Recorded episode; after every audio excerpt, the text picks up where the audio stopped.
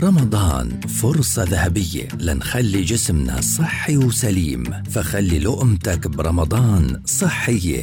لقمة رمضانية. برنامج بتقدم لنا فيه أخصائية التغذية آية الفار. نصيحة صحية ذهبية في كل بودكاست. لقمة رمضانية يأتيكم خلال شهر رمضان في مثل هذا الموعد عبر أجيال.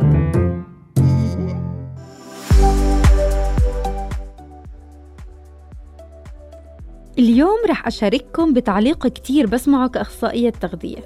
وزني مش عم يقل مع إني ملتزم كتير بالدايت وبلعب رياضة. ثبات الوزن أسبابه متعددة. ممكن تكون عم نخسر دهون بس نسبة العضلات بجسمك عم بتزيد. وبالتالي الرقم على الميزان مش عم يتغير.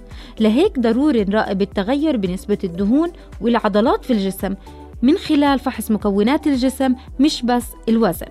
وممكن يكون السبب عدم مناسبة السعرات المتناولة مع السعرات الحرارية اللي منحرقها يعني عم ناكل أكتر من ما عم نحرق.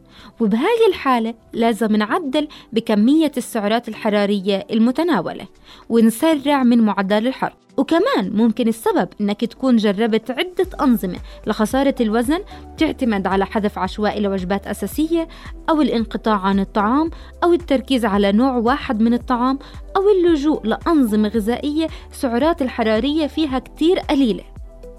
فبنزل الوزن بمدة قصيرة ولكن برجع بزيد. وبعدها كمان مرة بنرجع بنعمل رجيم قاسي وبندخل بهاي الدوامة اللي إحنا بنسميها حمية اليويو.